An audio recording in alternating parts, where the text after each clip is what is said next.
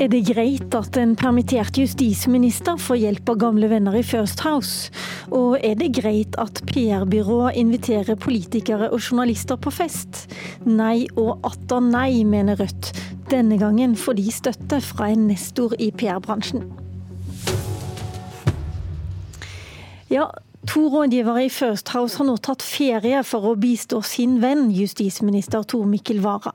Wara ble som kjent permittert idet det ble kjent at uh, samboeren hans er sikta for å ha tent på familiens egen bil. Sigbjørn Aane, som tidligere har vært statssekretær for Erna Solberg, og Ole Berge, som hadde samme jobb for Siv Jensen, er begge ansatt i PR-byrået First House. Og hva er egentlig problematisk med at de hjelper kompisen sin Tor Mikkel Wara, Mimir Kristiansson, du er ordførerkandidat for Rødt i Stavanger? Det problematiske er at dette dreier seg jo ikke om noen helt vanlige vennetjenester. Det er jo ikke sånn at de er hjemme hos han og, og trøster han og ser på film han og går en tur med han og snakker om livet med han. Altså, Hva vet du om det, egentlig? Det vet jeg fordi sjefen deres har vært ute i avisene og klargjort at de ikke skal fakturere for de såkalte vennetjenestene sine. Og da antar jeg at selv ikke i First House fakturerer man for å snakke med vennene sine. Så da er det åpenbart at det de hjelper med, er profesjonell kommunikasjonsrådgivning, krisehåndtering, altså faget sitt. De gjør jobben sin gratis for han. Og problemet som oppstår, dette er betalte lobbyister, de har hemmelige kundelister, ingen vet hvem de jobber for. Heller ikke Tor Mikkel Wara skal vite hvem de jobber for. De gir da han vennetjenester, og hvis det er sånn som vennetjenester ofte er, så havner man i et forhold der vennetjenester gjerne kan gå den andre veien, og det blir det grunn til å spekulere i her. Og så er det en opplysning til som er ganske viktig å få med seg. I går bekrefta Siv Jensen i Dagens Næringsliv at kontrakten hun har med Tor Mikkel Wara nå, den går via denne betalte lobbyisten i First House. Det vil altså si at finansministeren i Norge bare har kontakt med den permitterte justisministeren i Norge via en lobbyist som jobber for kunder som verken finansministeren eller justisministeren kan vite hvem er. Og Dette er et samrøre som er ekstremt problematisk, og det viser hvor langt vi har kommet i sammenfiltringen av PR og politikk. Og det er ja, veldig stor grunn til å rope varsko om dette nå. Før vi går videre, så må jeg bare gjøre oppmerksom på at vi har spurt Sigbjørn Aanes og Ole Berge om å stille i Politisk kvarter. De hadde ikke anledning.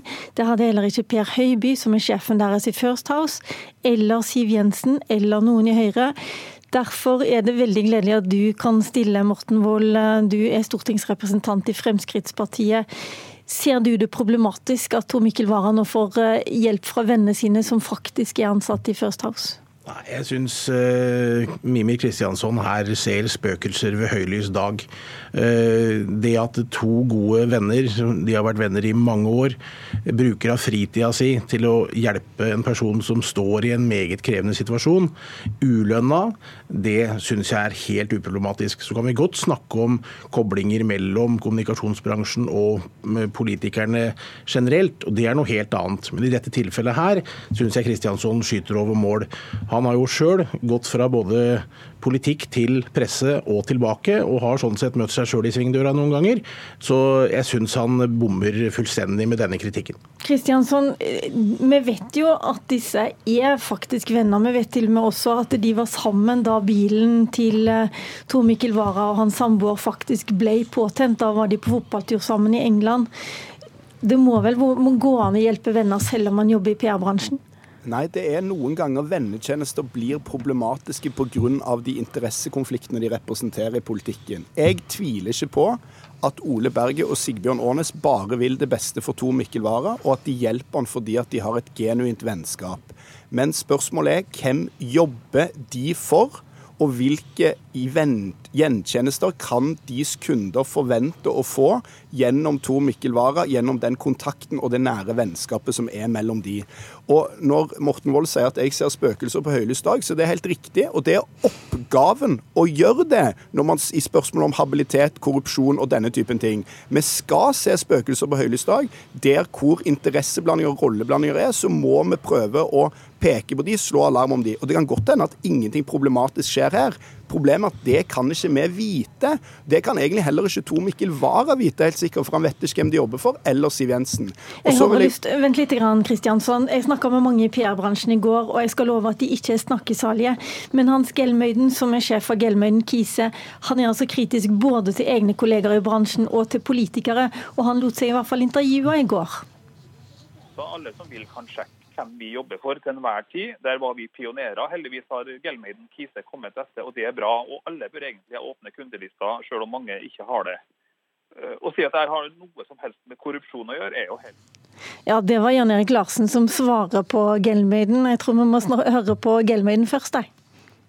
Deler av denne bransjen opererer på en slik måte eh, at man får inntrykk av at eh, forholdet mellom pengeinteresser og byråer og politikere blir så tett Eh, at er et inntrykk av at man bedriver politisk korrupsjon.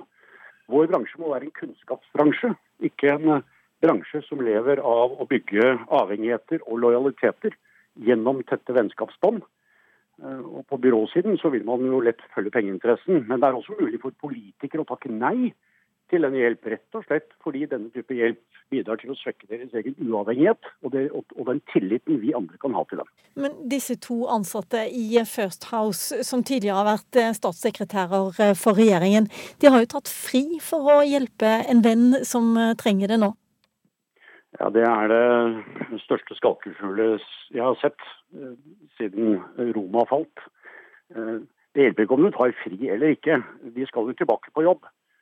Et annet eksempel som jeg syns er svært beklagelig, det er eh, Kruse Larsen og Jan Erik Larsen, tidligere statssekretær på statsministerens kontor, som stolt forteller at han eh, tilbyr eh, fri fest den 11. juni i år, enda en gang for politikere. Da skal de komme til ham, så skal han skjenke dem. Og igjen spør jeg hvorfor stiller politikerne på disse arrangementene? Skjønner de ikke at de svekker seg selv? Nå vil vel onde tunger i bransjen si at her har du eh, en litt misunnelig konkurrent som gjerne skulle hatt eh, disse tidligere politikerne i stallen sin sjøl? Eh, vi har ingenting imot politikere i stallen. Vi har meget dyktige politikere i stallen selv, men vi arbeider ikke på denne måten. Politikere har masse verdifull kunnskap. Selvfølgelig skal politikere få arbeid etter at de er ferdig med tillitsvervene sine. Jeg kritiserer metoden man bruker. Og politikere må ikke la seg misbruke som kakepynt eh, for at kapitalinteresser skal vite, vise hvilken makt og innflytelse de har. Men hva er det du mener er korrupt? Jeg mener at eh, det etterlatt skaper et inntrykk av at det er korrupsjonslignende tilstander eh, i norsk politikk, der man kan kjøpe seg makt med penger. Ja, Kan man det? Du får ringe Jan Erik Larsen og Per Høiby i House og høre. Ja, Vi har ringt Per Høiby House. Han vil ikke intervjues, altså, men sier at ekte vennskap er betingelsesløst. Og det er også sånn han oppfatter vennskapet mellom de tre tidligere kollegene. Og det kan virke som om Gelmøyden aldri gjør noen en tjeneste uten å forvente en gjenytelse, sier han. Jan Erik, Krus, eh, Jan Erik Larsen i Kruse Larsen, han hørte dere så vidt i starten her. Han avviser i hvert fall korrupsjonstilstander og sier at festen som de inviterer til, er hygge og ikke noe annerledes enn mange andre sommerfester i Oslo. Men da lurer jeg litt på, Morten Wold, blir dere politikere brukt som kakepynt for disse PR-byråene når dere stiller på denne type fester? Nei, det syns jeg ikke. Og det er veldig mange andre som også deltar på disse arrangementene. Det er sånn at Den norske offentligheten er ganske liten. Derfor så vil du møte mennesker i forskjellige posisjoner på forskjellige tidspunkter. Noen er i kommunikasjonsbransjen, blir politikere, og omvendt. Man går altså litt fram og tilbake. Og Derfor så er det så viktig at en enkelt av oss gjør gode etiske refleksjoner og vurderer sin habilitet hele veien, slik at man ikke kan bli tatt for å ha bindinger, eh, ta med seg forbindelser fra den ene bransjen over i den andre. Men hvordan skal vi andre kunne vurdere det, da? Man skal bare stole på at den vurderingen tar de sjøl? Man må faktisk det, og det er viktig å være åpen om det, dette så langt man kan. Eh, åpne kundelister er jo å foretrekke. Noen har ikke fullstendig åpne kundelister. Men det er jo sånn at måte også norske journalister og mediefolk er jo i en veldig stor grad en del av dette her. slik at Det dreier seg ikke bare om kommunikasjonsrådgivere som prøver å påvirke stortingspolitikerne. Det vi i mange tilfeller gjør, er å ta kontakt på vegne av en organisasjon for å få til et møte, og for å spisse eller klargjøre en problemstilling som en organisasjon ønsker å ta opp med oss. Og sånn sett så hjelper de faktisk det norske eh, forenings- og organisasjonslivet på mange måter. Og så er det da en eh, si, Så møtes man i forskjellige settinger, men, og da er det viktig at man er bevisst på hvilken rolle man har, og hvorfor man er der. Kristiansson, er ikke du like, altså, hvorfor er du så mistenksom overfor politikerne i denne sammenheng? Jeg er mistenksom for at folk betaler for å få tilgang til politikere. Morten Wold er jo helt himmelropende naiv når han sier det må være opp til hver enkelt betalte lobbyist å gjøre seg etiske refleksjoner. Dette dreier seg jo da altså om den revens etiske refleksjoner på vei inn i hønsegården. Du snakker om at Men hvem skal gjøre de refleksjonene, mener du da? Hvordan skal reglene være?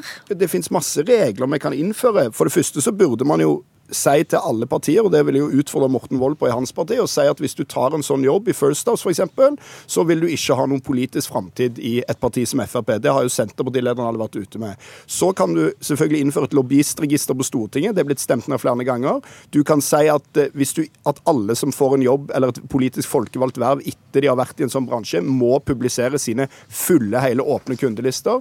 Du kan si at staten, kommunen, ikke skal bruke sånne byråer. Dermed så mister de noe kundegrunnlag forslaget. Og jeg vil bare si at jeg er så bekymra på vegne av politikken hvis det stemmer det Morten Wold her sier, at organisasjoner i Norge ikke kan få kontakt med de folkevalgte, ved mindre de har betalt et eller annet byrå med avdanka ekspolitikere. Jo, men det er jo det. Men det er det du sier at de får hjelp med. Og hvorfor trenger de den hjelpen? Jo, det må de da trenge hjelp med fordi man ikke kan få kontakt som frivillig organisasjon, sivilsamfunn, med våre folkevalgte uten å ha denne gjengen her med seg. Det er enkelt å få kontakt med stortingspolitikere. Vi er et av de mest åpne parlamentene i hele verden. Det er bare at noen organisasjoner trenger bistand til å klargjøre budskapet sitt, og det er der kommunikasjonsbransjen kommer inn. Der må jeg si tusen takk til Morten Wold og til Mimir Kristiansson, og så hjertelig velkommen til kollega og kommentator Lars Nehru Sand. For i det Politisk kvarter starta i dag, så satte regjeringen og finanspolitiske talspersoner talspersoner seg i bilene på vei til Hurdalssjøen, der det skal være budsjettkonferanse de nærmeste dagene. Men budsjettet for 2020 det skal planlegges uten en justi egen justisminister på plass. Er det grunn til å tro at det skal gå utover sektoren, Lars Nehru Sand? Vi får tro regjeringsapparatet er så profesjonelt at det ikke vil skje. Jeg tror både statssekretær Torkel Omland fra Høyre og selvfølgelig fungerende eh, justisminister Jon Georg Dale vil bidra til å holde både eh, de lange linjene, de, eh, de store budsjettprioriteringene og, og, sektorens interesser i hevd under hele budsjettkonferansen. Og så kommer det jo også en ny budsjettkonferanse hvor man legger to streker under de fleste svar, i hvert fall i august. Og da er det nok en, en justisminister som er til stede i rommet. Vi regner med det er noen på plass innen da, ja. Men det har vært mye uro og personbråk, som um, Trond Helleland i Høyre også sa i Politisk kvarter her i går. Justisministerens situasjon danner et alvorlig bakteppe til denne konferansen. I tillegg så sliter tre av fire regjeringspartier med en laber oppslutning. Hvordan vil det prege det som pleier å være en vanskelig konferanse i første omgang for alle regjeringer? Ja, Det at tre av partiene sliter, og egentlig hele regjeringsprosjektet er avhengig av litt eh, goodwill i befolkningen blant velgerne for å få opp oppslutningen på, på tre av partiene. Det er også Høyre avhengig av. Det legger selvfølgelig sine føringer på hvordan partiene går inn i den lange prosessen med å lage et budsjett for neste år. Og så er det jo også sånn at eh, Den plattformen de forhandlet frem ved begynnelsen av året, eh, har veldig kort levetid. Så alle løftene der må oppfylles ikke i løpet av fire statsbudsjett, som er det vanlige men på enda kortere tid, skal man sikre et gjenvalg i, i 2021. Men vi vet jo at veldig mye penger er brukt opp eh, allerede. Til forsvar, til transportplan, eh, til flere ting. Har de egentlig noe særlig penger å leke med? Nei, og det er jo det store problemet, mye mer enn det vi har snakket om til nå. Det er at ah, det meste er bundet opp, eh, som du sier, til forsvarssektoren og samferdsel tar mye penger. Det samme gjør økningen i de lovpålagte tingene i folketrygden. Forventningene om bistand og kommuneoverføringer, lærernorm og barnetrygd, er veldig mye denne regjeringen regjeringen har lovet, som allerede er regna med hos velgerne, som ikke vil ha et nyhetspoeng eh, hvis man blir enig om det. Og det spiser mye av et stadig mindre handlingsrom for, eh, for de fire partiene. Og Det er det virkelig store eh, problemet, som jo har vært annonsert i lang tid, at budsjettene blir strammere. Men nå blir det en sannhet, selv om også litt pga. at det går godt i økonomi, norsk økonomi. Det er det Siv Jensen skal fortelle oss klokken ni, at veksten øker og arbeidsledigheten går ned. Det er jo bra for Norge, men det betyr at det er mindre bruk for offentlige penger for å holde liv i eh, økonomien. Vi følger budsjettkonferansen som skal pågå i flere dager framover. Takk skal du ha, Lars Nehru Sand. Da gjenstår bare å si at mitt navn er Lilla Sølhusvik, og Nyhetsmorgen fortsetter selvfølgelig en hel time til.